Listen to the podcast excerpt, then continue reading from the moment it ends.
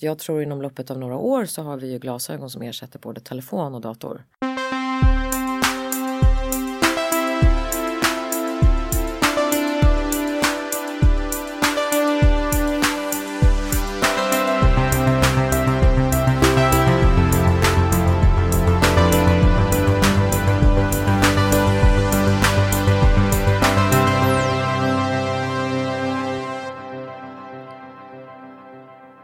Hej och välkommen till Heja Framtiden.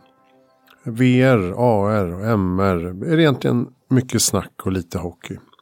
Nej, det kanske kan verka så eftersom tekniken för virtual reality och augmented reality ännu inte på allvar letat sig in i vardagsrummen hos gemene man. Samtidigt har det varit lite hönan och ägget. Även om man investerat i sin utrustning har det kanske inte funnits så mycket mjukvara. Och för mjukvaruutvecklarna har det funnits för få användare och kanske begränsad betalningsvilja i vissa fall. Men det håller på att förändras nu. Det händer massor bakom kulisserna. Allt fler företag och organisationer upptäcker möjligheterna med så kallat immersiva upplevelser eller förstärkt verklighet som augmented reality samtidigt som den tekniska utrustningen blir bättre, smidigare och billigare. Nu ser vi allt fler exempel inom industrin och vården, på resebyråerna, i klassrummen och hos bilförsäljare. Dagens gäst, Emma av Robson, har genom sitt bolag Warpin Media under de senaste två åren tagit täten på området. I dagens avsnitt ger hon oss en spaning kring vad som händer och vad som kommer längre fram. Tack till Warp Institute. Gå med i Sveriges mest optimistiska Facebookgrupp som heter Sveriges mest optimistiska Facebookgrupp om du inte redan har gjort det. Tack också till Helio GT30 där vi spelar in podden. Kolla in helioworks.se om du vill ha kontorsplatser i Stockholmsområdet. Tack också till Noden.se som ger ut trendspaningsbrevet Nodentrender. Signa upp för det varje fredag i din mailkorg. Jag heter som bekant Christian von Essen och matar frenetiskt den här köttätande växten som vi kallar för framtiden. Nu har vi även några stapplande avsnitt ute på engelska som är lite kortare, så missa inte det. Boka också gärna Heja Framtiden föreläsning och moderatorupplägg och stötta oss på Patreon så vi kan göra mer roliga grejer framöver. Allting finns på hejaframtiden.se. Klicka också gärna i följ-knappen på Spotify så att algoritmerna nosar upp oss. Tack alla som lyssnar, det betyder väldigt mycket. Nu pratar vi VR, AR med Emma A. Robson. Varsågoda.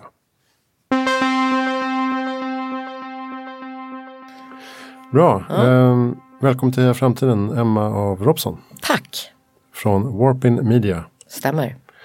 Som är eh, av få VR-bolag kan man säga i Sverige mm.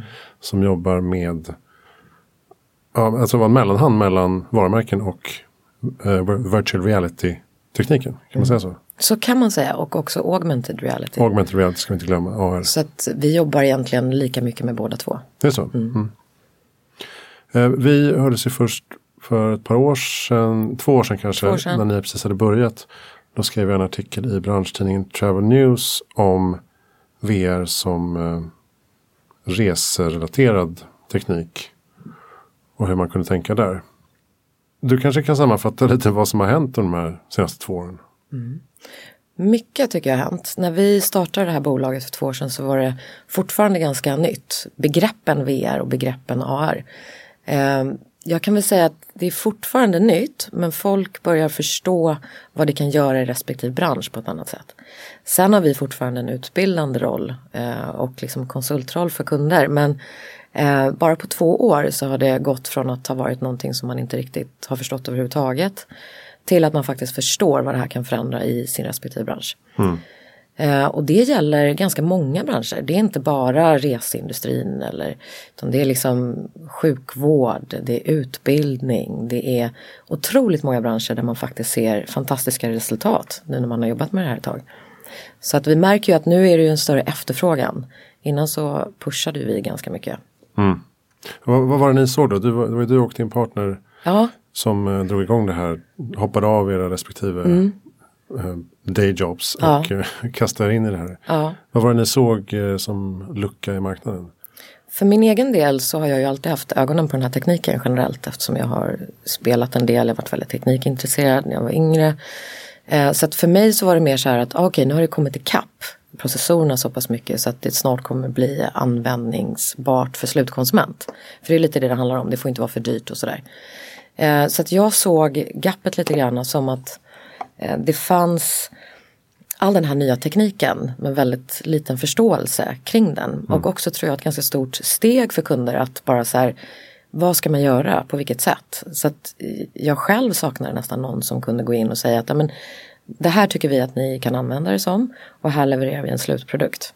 Och i början så hade vi inte egna utvecklare utan då fick vi liksom lägga ut. Idag är vi ju, har vi tagit inhouse eh, vår utveckling så vi är 14 personer. Mm. Eh, och det tycker vi funkar fantastiskt bra. För då får man liksom en helhetsbild över tekniken och över vad det är vi bygger. Just det. En, en viktig kund som du jobbat med nu i USA är ju H&M. Mm. Vad har ni gjort för dem då? Vi skapade den första eh, immersiva upplevelsen skulle man kunna säga för en modeshow. Eh, där vi kopplade på olika element digitalt till de fysiska objekten. Så det man kunde göra är att du kan gå in, se de fysiska objekten eller de fysiska kläderna. Men du kan få massa mycket mer information om dem digitalt. Så det var ett fantastiskt roligt projekt där du får en bättre förståelse för kampanjen.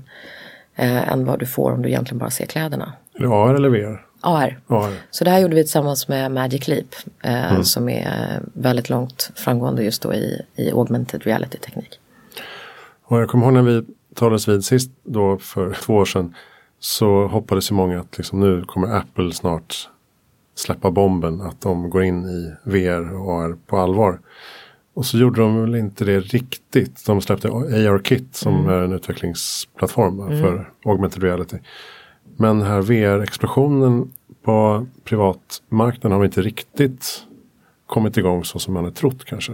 Nej, och på något sätt så kan jag ha lite förståelse för det. För att AR det är ju egentligen mycket mer slutkonsumentinriktat. Mm. Alltså VR är ju fortfarande än så länge väldigt specifika intressen som spel om du är slutkonsument. Eh, Medan vi har ju sett en enorm explosion i VR när det gäller till exempel utbildning. Och då är det oftast business to business eller att man jobbar mer internt. Och då ser ju inte slutkonsumenten det på samma sätt. Mm. AR ligger ju närmare för du har alltid med dig din telefon. Och ju bättre telefonerna blir på att eh, visa upp AR desto bättre och mer innehåll kommer ju också komma för slutkonsument. Men vad det gäller VR så skulle jag säga att det exploderat i alla fall inom utbildningssegmentet. Okay. Eh, men inte på samma sätt mot slutkund. Och vad, vad är mixed reality då?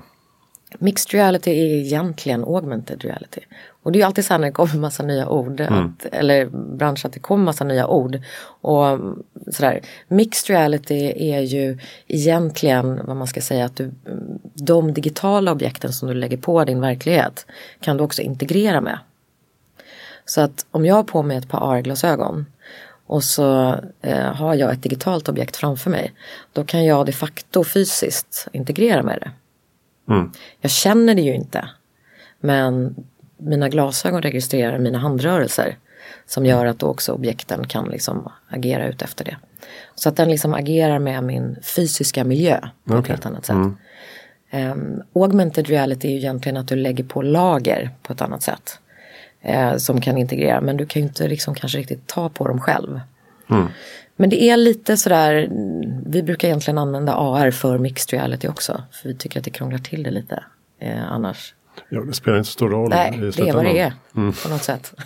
Men om man ser på um, VR till exempel. Uh, så har ju hårdvaran varit en stor mm. uh, puckel eller tröskel så att säga. Det har varit väldigt dyrt och uh, klumpigt och obekvämt kanske till och med. Uh, man måste ha en stor kabel i uh, headsetet.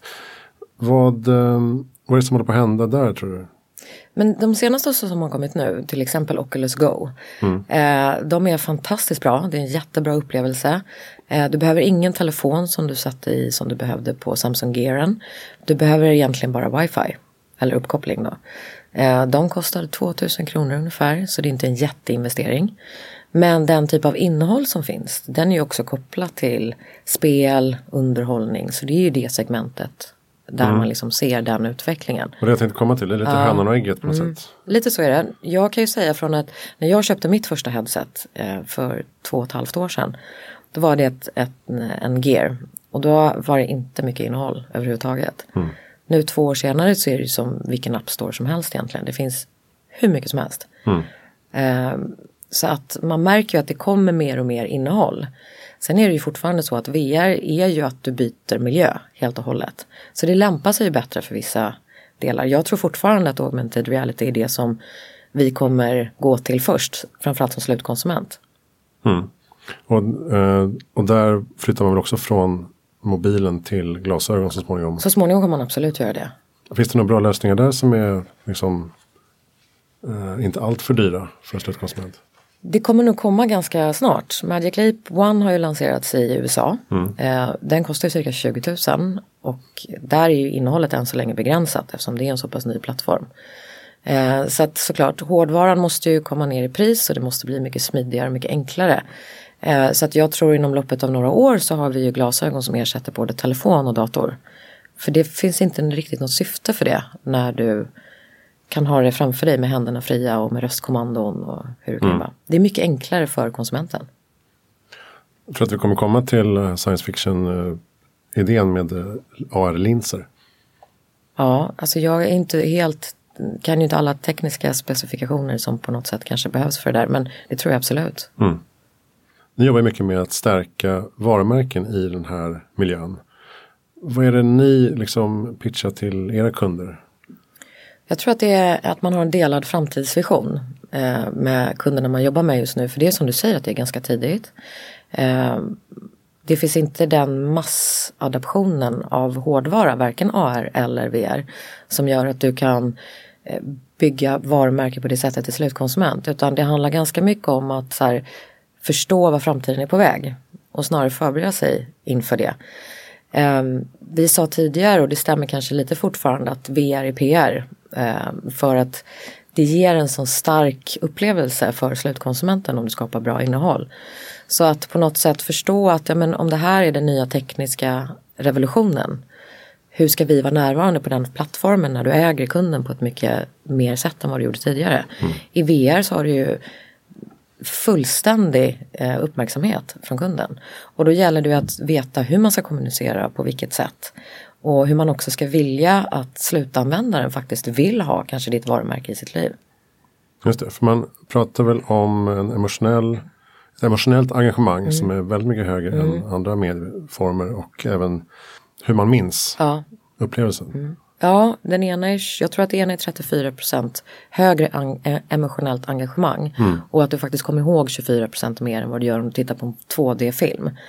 Eh, så att bevisen finns ju där för att du kommer ihåg det mer. Och sen kan man ju fråga sig då, är det för att det är ett nytt media som gör att folk upplever det starkare eftersom det är någonting nytt? Säkerligen till en viss procentdel. Men det är också så, du stimulerar ju många fler sinnen än vad du gör om du bara läser eller hör eller ser. Eftersom du oftast gör allting samtidigt. Så att det är klart att det sätter sig djupare.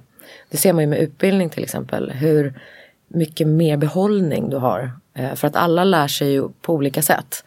Du kanske är jätteduktig eh, för att du har fotografiskt minne och kommer ihåg på det. Jag kanske hör bättre eller det finns massa olika delar. Så att när du kombinerar det så blir ju den inlärningskurvan mycket, mycket mer eh, effektivare. Mm.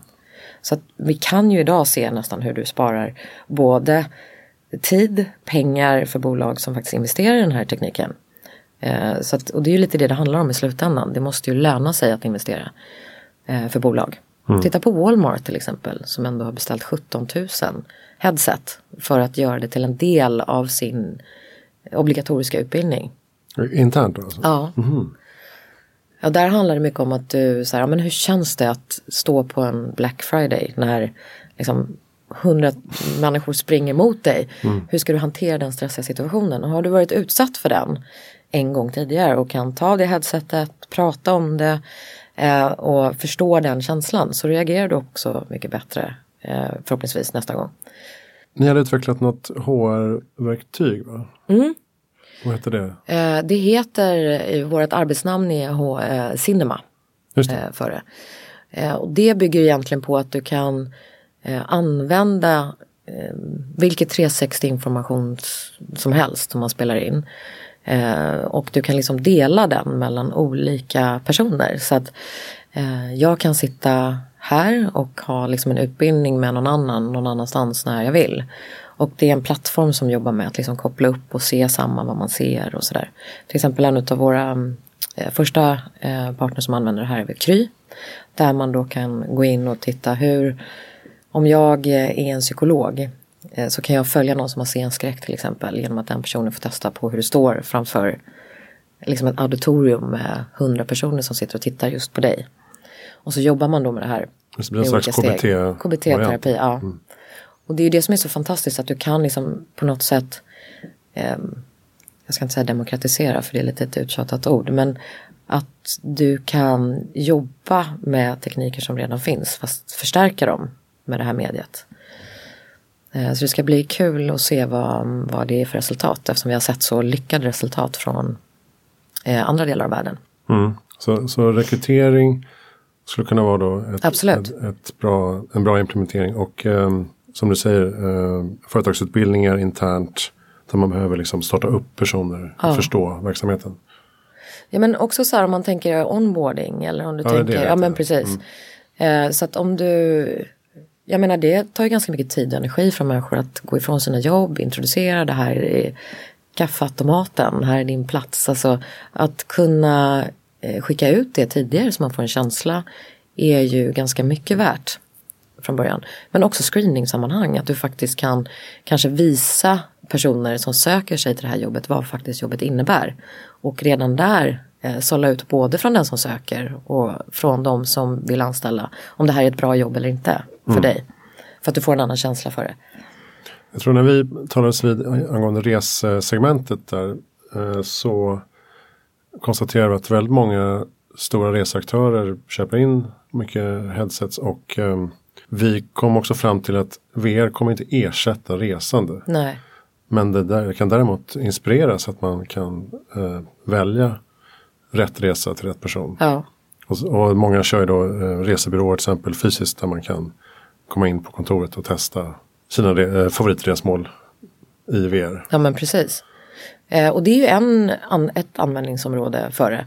Eh, ett annat som jag ser nästan skulle vara ännu mer, i alla fall för slutkonsument, det är ju faktiskt att eh, även om du kan testa dina favoritresmål så kan det ju också vara mycket mer intressant att se hur ser det här hotellrummet ut mm. som jag eventuellt vill boka.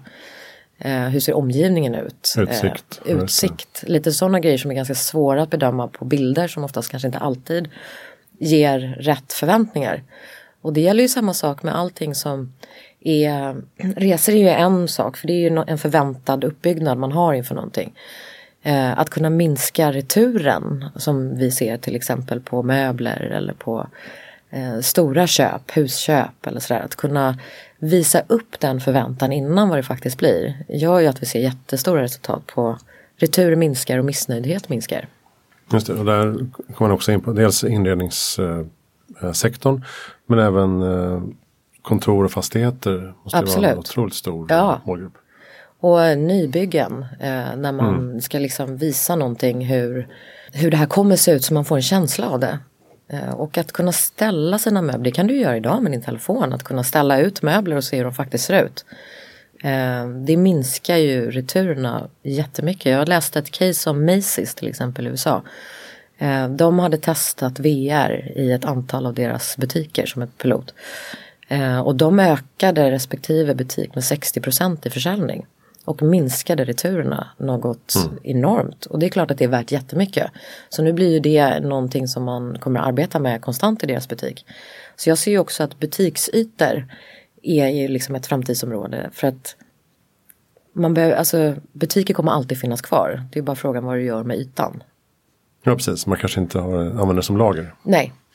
Men Utan, som mer showroom. Mer showroom. Och, och, där är ju bilindustrin ett perfekt, perfekt ja, exempel. Verkligen. Där såg jag ett exempel, jag kommer inte ihåg vilket bilmärke det var, men de flesta jobbar väl med det på olika sätt. Ja. Men just det här att om man ska visa upp de olika modellerna som finns så skulle det liksom ta stora lagerlokaler. Verkligen. Eh, du kan inte liksom ta fram eh, IRL alla olika konfigurationer Nej. som finns. Utan där måste du gå in i VR och se så här, ja men jag vill faktiskt ha bruna säten med träpanel. Nej förresten, jag vill ha röd lack. Ja, du vet. Så där kommer ju, där kommer ju revolutionera väldigt mycket. Absolut. Så att, och det var som vi sa tidigare, att det som är en stor investering för slutkonsumenten.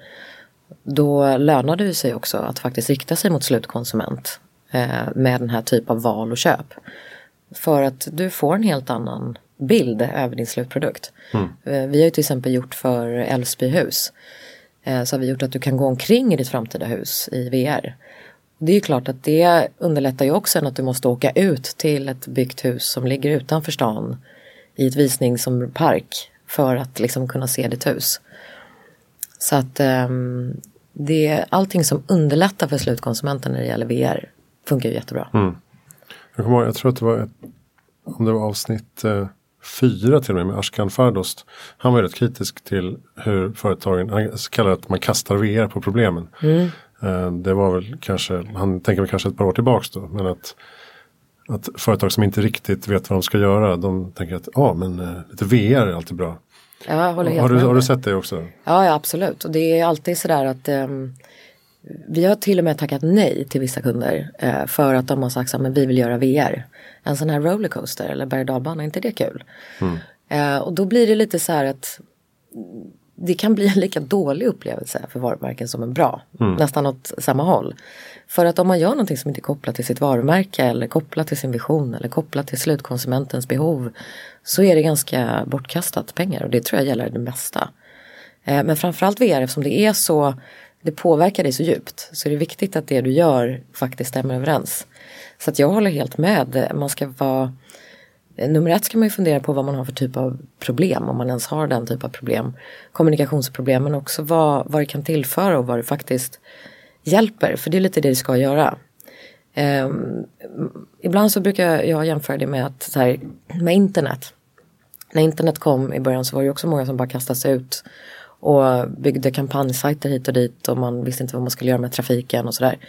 Och så la man ner de kampanjsajterna och så försvann trafiken. Och sen skulle man starta en app. Skulle man starta en app och så mm. startade alla en app och vad skulle den appen tillföra? Och jag tror man måste tänka på samma sätt med VR och AR. Nummer ett så är VR och AR har två helt olika behov eller de fyller helt två olika behov. Eh, man kan inte bara bestämma att man ska göra AR eller VR. För det, det är liksom behov som, de konkurrerar inte med varandra överhuvudtaget.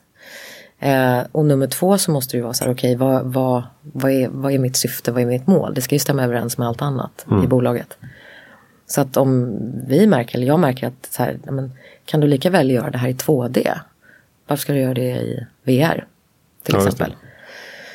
Har ni, det, har, ni stött på, har ni stött på några från porrindustrin? För de måste ju vara jättesugna på det här. Jag tror att porrindustrin har kommit ganska långt i det här. Eh, I början när jag startade det här bolaget så fick vi några sådana typer av förfrågningar. Men det har inte varit i mitt intresse att eh, gå den vägen. Eh, jag inte, sängvägen. Sängvägen är jag inte lika intresserad av. eh, men det, det är en otroligt lukrativ bransch. Det vet man ju sen innan och de är oftast först på all ny media som kommer. Och kommer ganska långt också. Så det tror jag är med all säkerhet att det kommer finnas rätt mycket att välja på där. Du pratade, du sa att demokratisering var lite ett tjatat ord men det finns ändå en aspekt av det där med eh, till exempel som Google Cardboard gjorde då att eh, eh skicka ut platta kartongpaket som man sen viker ihop till ett litet headset och sätter in sin smartphone. Mm. Så att eh, framförallt unga ja, kan, kan få uppleva, det är väl inte riktig VR, det är väl, man kallar det för 360. Ja, alltså 360 är ju egentligen eh, riktig VR också. Det är okay. bara det att den inte är renderad. Um, för du byter ju fortfarande miljö mm. helt och hållet. Det tycker jag fortfarande än idag är en av de mest inspirerande casen. Där du faktiskt kan sätta barn som aldrig har varit utanför eh, sin hemstad på kinesiska muren och på så sätt förstå hur lång den är. Så det tycker jag är ett av VRs mest starka argument fortfarande. Att kunna få människor att sätta sig i någon annans skor. Mm. Att känna empati eller att kunna se delar av världen som man aldrig någonsin innan skulle kunna förstå. Precis, så det finns väl en hel del exempel på um, välgörenhetsorganisationer mm. som använt sig av detta för att förstå livet i ett flyktingläger. Verkligen. Eller gatan i Bangladesh mm. eller sådär. Har, har du några bra case? Det är som du säger, det finns ju fantastiskt många sådana bra case som har gjorts. Um, vårt eget sånt case det är med Trygga Barnen uh, och det gjorde vi för att sätta, uh, det gjorde vi tillsammans med Toby som gör eh, eye tracking, också ett svenskt bolag. Ja. Och, de eh, och vi tillsammans gjorde det här caset eh, för att se hur man påverkas av att växa upp i en miljö där man har alkoholiserade föräldrar.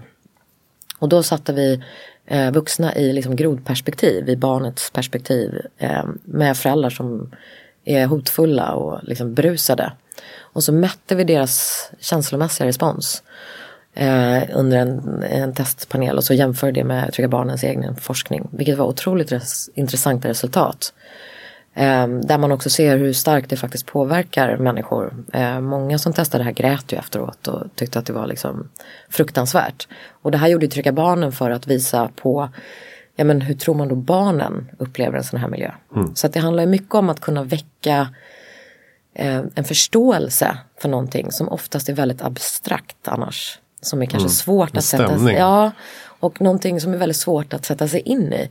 Jag kommer ihåg själv när jag testade Clouds of Isidra som är just FNs eh, här satsning där du liksom är med en, ett barn i, eh, i ett flyktingläger. Mm. Och när man liksom tittar ner och man ser hur man står i lera och man ser vad de har för villkor att utvecklas på så inser man helt plötsligt att man kan liksom inte vända bort blicken på samma sätt. Så det är ett utomordentligt uh, redskap för att kunna väcka den mm, empatiska förmågan eller känslan hos andra också. Vem var det som gjorde den här filmen i uh, klassrum för att visa Just det, mobbing. mobbing uh, den känns som att den var ett tag sedan nu så jag har faktiskt glömt bort vem det var som gjorde den. Men den var ju också extremt effektiv mm. i att så här, känna efter hur det känns att vara, bli mobbad. Det är inte alla som kan sätta sig in i det heller.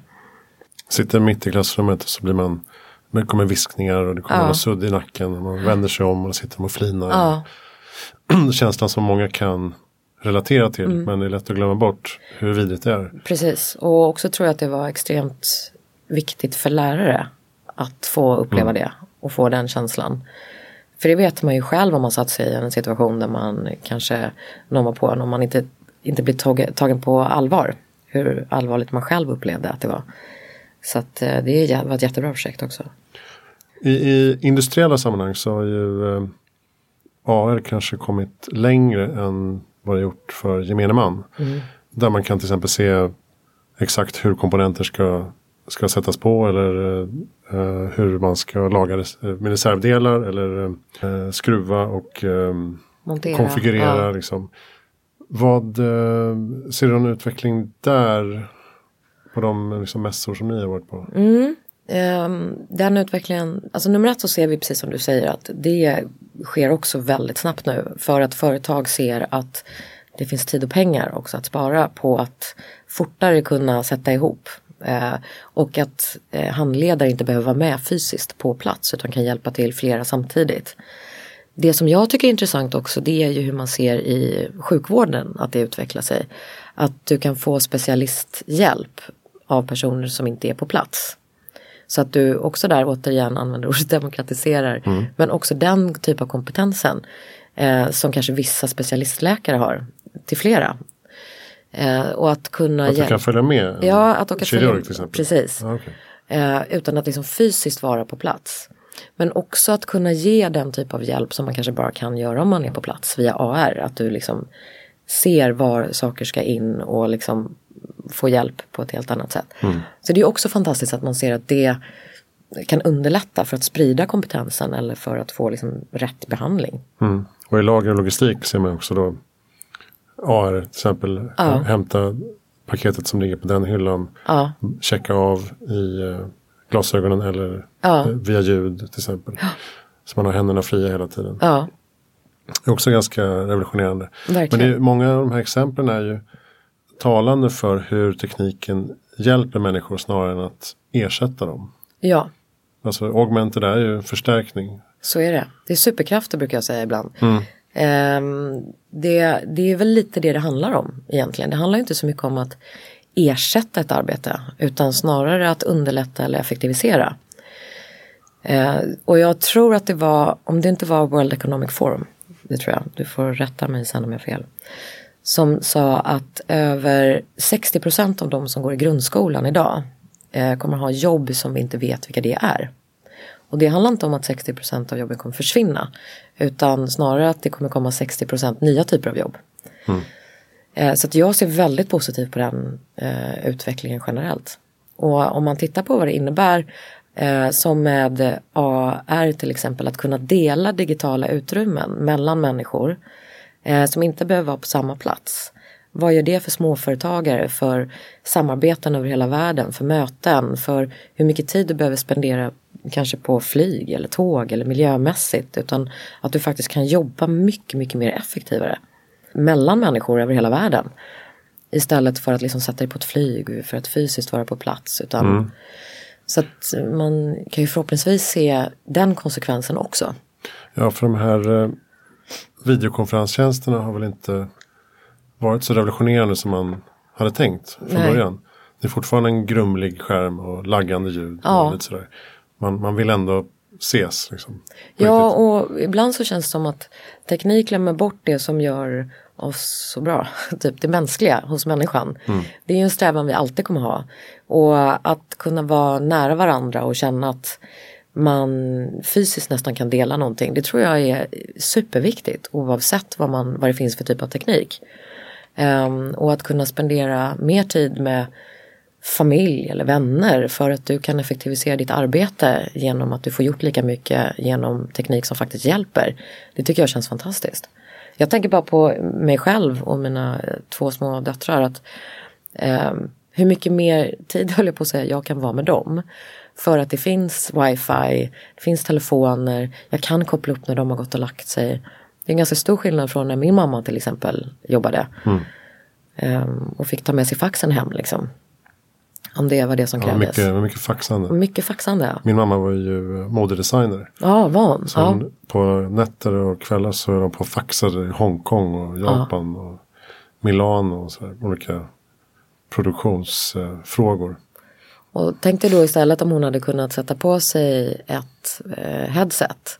Kunna måla sina kreationer i 3D. Liksom, och sen skicka dem direkt. Mm. Så att andra tog emot dem i 3D, kunde göra förändringar i 3D. Och sen kunna laborera tillsammans. Det hade ju sparat mycket tid för henne. Ja, ja det blev ju alltid fel. Det var ja, här, precis. Eh, man fick tillbaks från Hongkong tre veckor senare. Bara, Nej, ni ska ha knapparna ska vara bredvid varandra, ja, inte liksom inte, på varandra. så att så sätt så, så ser jag också att det, det hjälper, för mig i alla fall, att få ihop livet generellt. Som jag älskar mitt jobb. Jag älskar att jobba så sätt. Men jag vill inte att det ska vara på bekostnad över att jag inte kan få ihop mitt liv. Mm. Så att, um...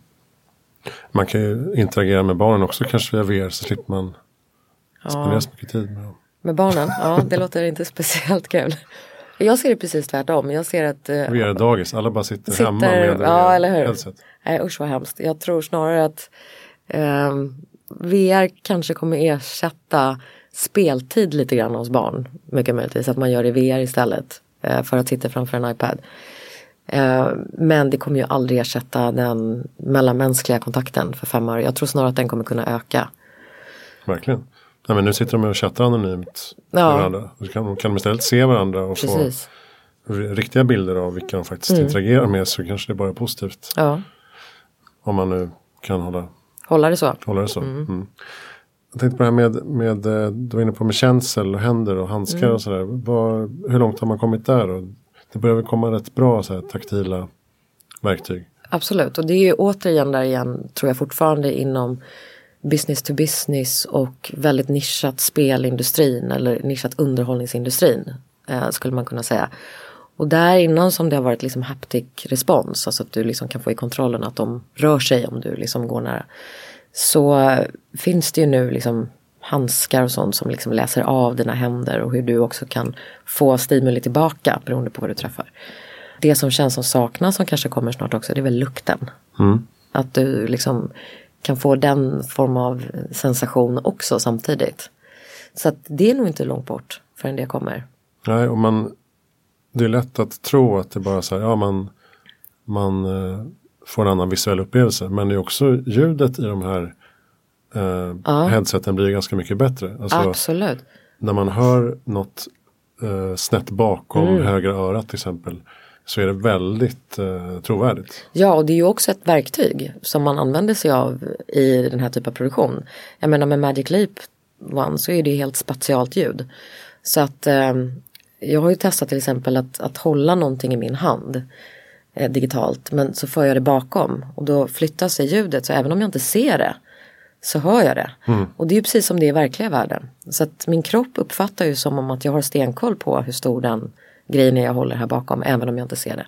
Samma sak att påkalla uppmärksamhet om man vill att någon ska titta åt ett håll. Det, ljudet är jätte, jätteviktigt mm. eh, och det är superbra i de här nya som kommer. Det, det tänker jag mycket på som gammal musiknörd och älskar att gå på konserter och så mm. Och så har man eh, massa barn och kan inte gå på så mycket konserter. Nej.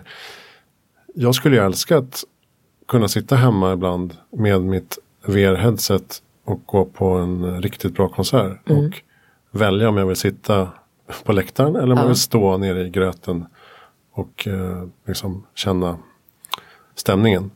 Utan att behöva liksom svettas, bli knuffad, få fis i ansiktet. Mm. Men, eh, men flera jag pratade med tidigare i alla fall sa att nej men det där kommer inte bli någon stor grej. Man vill ändå, man vill ändå vara där. Liksom. Ja, jag håller nog lite med dig där. Men jag tror också att det har att göra med intresse. Om man verkligen, verkligen um, vill gå på mycket konsert och man som du och jag har småbarn eller massa barn. Eh, uh, om man inte har möjlighet. Då tror jag att det här är minst ett lika bra alternativ än att inte gå överhuvudtaget. Sen tror jag att det är viktigt att man tänker på att när man gör någonting i VR så måste det tillföra någonting extra. Så att du kan inte bara som de som har gjort det här tidigare egentligen bara ställa ett headset mitt i publikhavet på det sättet och tro att det ska på något sätt ge samma känsla eller livestreama det som många har gjort. Eh, för det finns inte riktigt den liksom, publiken än. Men om man tillför någonting extra, om man spelar in det på ett sätt som gör att du känner dig ehm, att du får någonting mer av det. Då tror jag också att det kommer bli riktigt bra. Sen är det ju också frågan, det måste ju vara en en efterfrågan på det nummer ett. Men sen måste det ju också gynna branschen på något sätt. Mm. Så att mm, jag tror att vi kommer se så småningom när artister eller föreläsare också får upp ögonen för hur man kan använda det här för att kanske spela in någonting en gång men att fortsätta sälja det.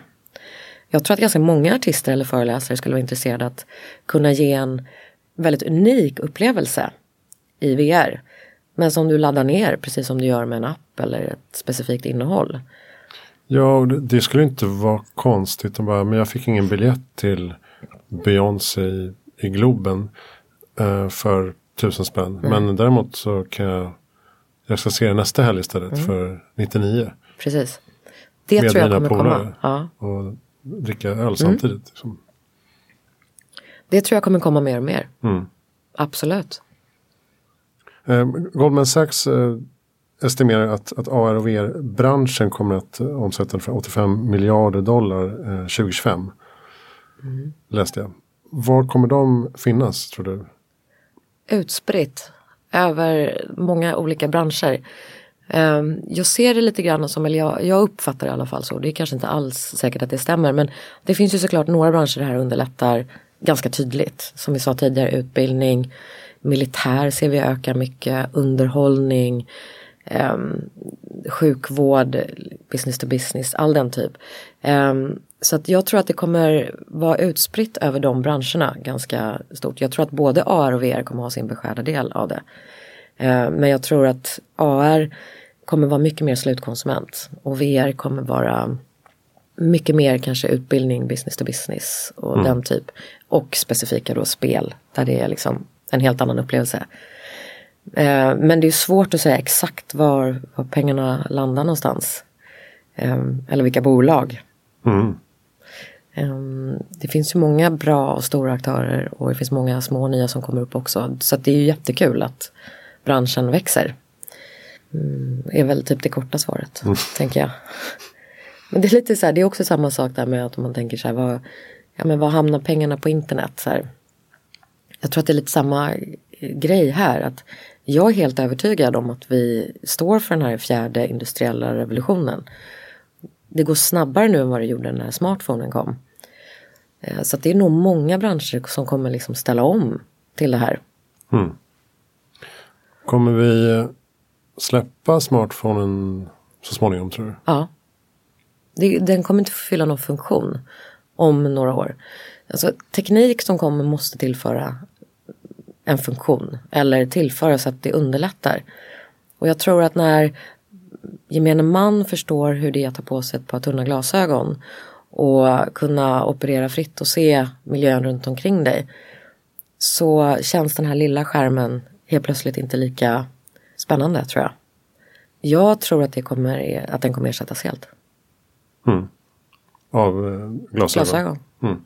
Det är första steget och sen om det blir som du frågade mig i början med linser. Det återstår att se men definitivt glasögon. Mm. Vad, eh, vad saknar ni för eh, typ av kompetens då i den här branschen? Eh, du tänker i vårt bolag, alltså vad, vad ja, om, om, om, hela, om man tänker att hela den här branschen ska kunna växa snabbare. Mm. Nu tycker jag att den växer väldigt snabbt. Eh, och fler och fler stora varumärken börjar komma in. Eh, men det skulle vara, tycker jag, vara spännande om det dök upp fler och fler bolag som jobbade renodlat med AR och VR. Eh, för att det får sin, det, allting som man gör mycket mer fokuserat blir bättre. Framförallt i början när man inte kan så mycket om det. Så att, att fler och fler jobbar med det som ett, liksom, ett eget businessområde eh, tror jag skulle vara jätteintressant att se. Mm. Det tror jag också vi kommer se fler bolag. När efterfrågan ökar så är det klart att, att fler bolag ger sig in i det. Så att, eh, det hoppas jag. Jag kan tänka mig att det för er kanske inte var så lätt att få cash in från dag ett. Nej, absolut inte. Det är en kamp att ja. utbilda och ja. få folk att förstå. Alltså man får ju, eh, det är långa säljprocesser i eh, vår bransch. För att du måste först utbilda och få förtroende och liksom kunna påvisa. Sen ska ju tajmingen vara rätt. Det är mycket bitar som ska falla på plats på någonting helt annat än om du jobbar med vanliga digitala medier på ett, som är mycket mer erkända och har en större användarbas. Så det här är ju liksom lite, lite svårare än mm. det jag gjorde tidigare. Vad är ditt tips då till uh, företag eller organisationer som sneglar på det här? Vad ska man tänka på? Ja, om man sneglar på det så ska man göra det av rätt anledning. Det vill säga att eh, inte bara vi borde göra VR utan att faktiskt sätta sig in i vad kanske andra i sin egen bransch har använt det för.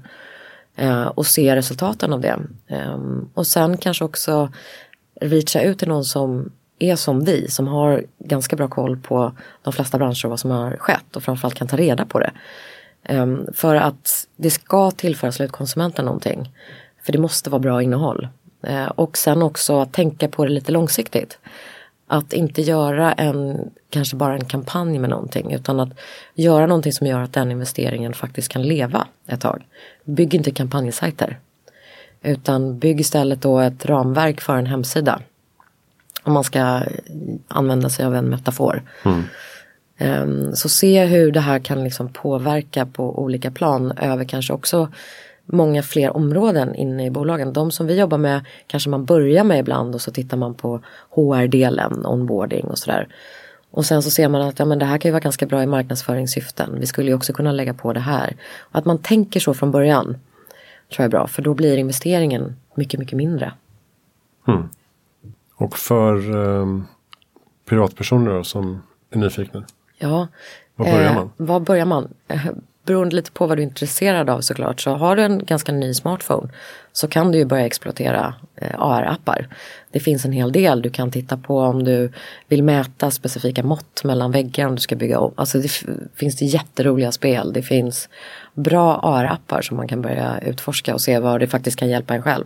Och vad det gäller VR så finns det nu faktiskt bra eh, prisvänliga eh, headset som till exempel Oculus Go som kostar runt 2000 kronor det du behöver i wifi. Där du kan göra allt ifrån att eh, besöka dinosaurier till att besöka platser som du aldrig tidigare har kunnat åka till eller vara i rymden eller se lite andra delar som är faktiskt jättekul. Och då är man då inne i, i Oculus ekosystem ja, det är man. App mm. Store. Liksom. Mm, det är man. Så det är ett annat ekosystem än vad du kanske har i din Android eller i din iPhone. Mm.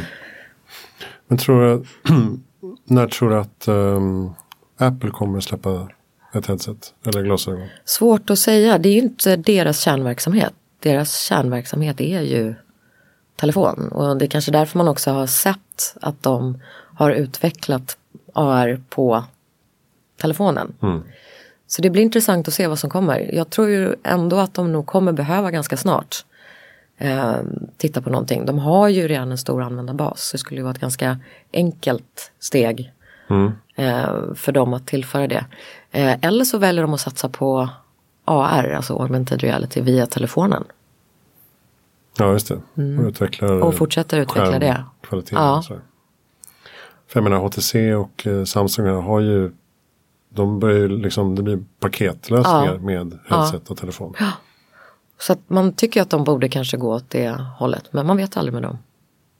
Och eh, Facebook äger ju Oculus. Mm. Så att där borde man också rimligtvis se mer sociala interaktioner i, i eh, VR och AR-miljöer. Ja, absolut. Och där kan man ju då fråga sig också att där måste man ju också se på hur många användare som faktiskt har ett VR-headset. För att det, det finns ju inget syfte för mig att som slutkonsument gå in och försöka vara social när det inte finns något att vara sociala med. Eh, Och så då blir det Google Plus av det. ja, om man sitter där själv och hallå, Ropar. ropar lite efter någon. Ehm, så att eh, det, det- där kommer landa men återigen det måste tillföra någonting. Det kan inte bara vara eh, en kul grej. Utan det får lösa ett problem tror jag för att människor ska bemöda sig. Att ersätta Facebook eller ersätta Insta eller du vet sociala medier på något sätt. Men man kan ju tänka sig i framtiden att man går in på Facebook med sitt headset och interagerar Mm. med människor på riktigt. Det tänker de säkert redan på också på Facebook. Har du något bra eh, lästips eller uh, case-länktips eller YouTube-tips eller så här för den som vill veta mer? Ja, alltså det finns en bra hemsida, eh, VR Scout, som jag tycker är jättebra. Den sammanfattar ganska mycket om vad som händer från ganska många olika branscher. Eh, sen har du ju också VR Sverige som sammanfattar ganska mycket från vad som händer på den skandinaviska marknaden. Eh, så att de är väldigt bra att börja på, eh, tycker jag. Sen kan man ju alltid googla sig fram till det mesta om man bara skriver in 360 eller VR innan och sen det området man är intresserad av. Det finns ganska mycket men det är väldigt, väldigt branschospecifikt. Um, så att, men jag tror att eh, uh, VR Scout är en riktigt bra början. För där är det väldigt så här, ja, men det här händer med olika branscher just nu. Och är man nyfiken på skräck och skräckfilm och så Ja. är, det ju, är det här helt perfekt. Ja, gud ja. Jag är ju ett skräckfilmsfan. Alltså, ja, ja. ut i fingertoppsspetsarna. Jag har haft det intresset i många år. Men jag ska ärligt säga att jag, har inte, ha- jag tycker inte att det har varit samma grej i, Alltså, i VR. För att jag blir nästan för rädd. Jaha, Precis, menar så, ja.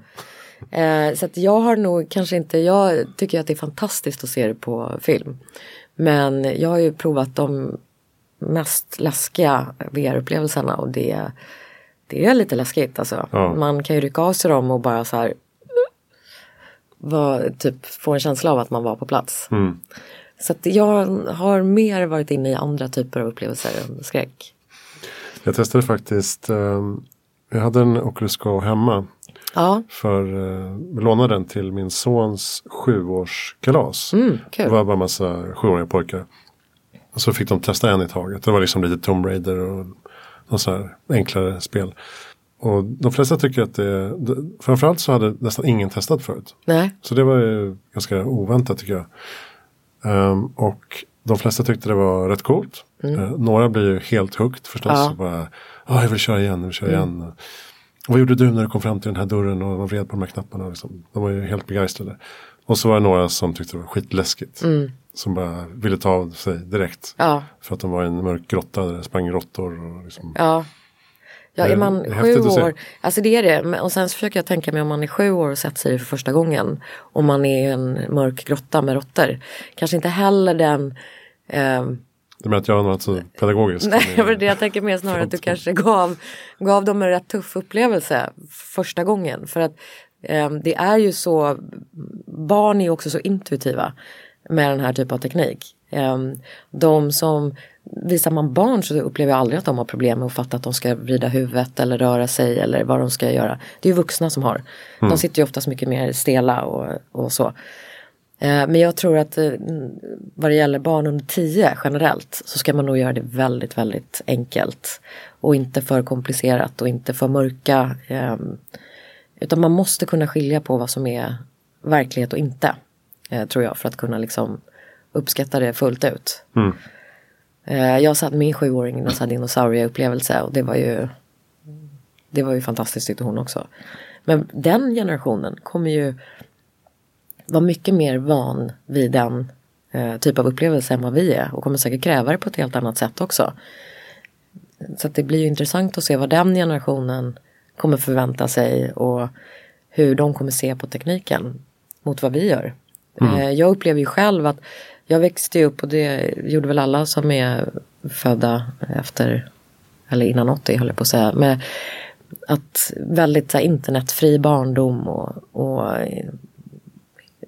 på ett helt annat sätt. Och då tror jag också att vi kanske är mycket mer ägda av tekniken än de som lär sig programmering tidigt och förstår vad det är och sådär. Så förhoppningsvis så kan man ju lära den yngre generationen att kanske äga tekniken lite mer än vad vi gjorde. Och inte känna sig ägd av den mm. på samma sätt. Så att Många frågar mig så här, um, jag vet inte varför för jag jobbar inte så mycket med iPad eh, och telefoner så sättet. Jag jobbar med AR och VR. Men de frågar mycket, men hur gör du med dina barn och skärmtid och sådär. Mm.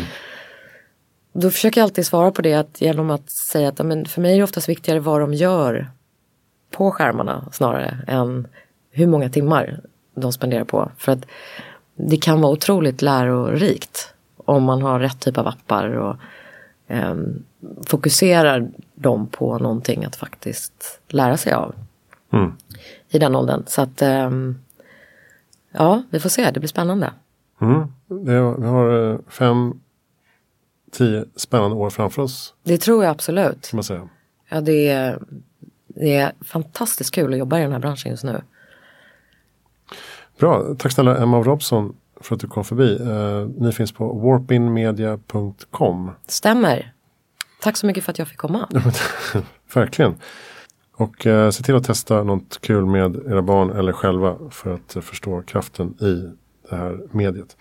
Ehm, Hejaframtiden.se, där finns allting du behöver veta och alla intervjupersoner. Och jag heter Christian von Essen. Vi hörs nästa vecka med någonting annat.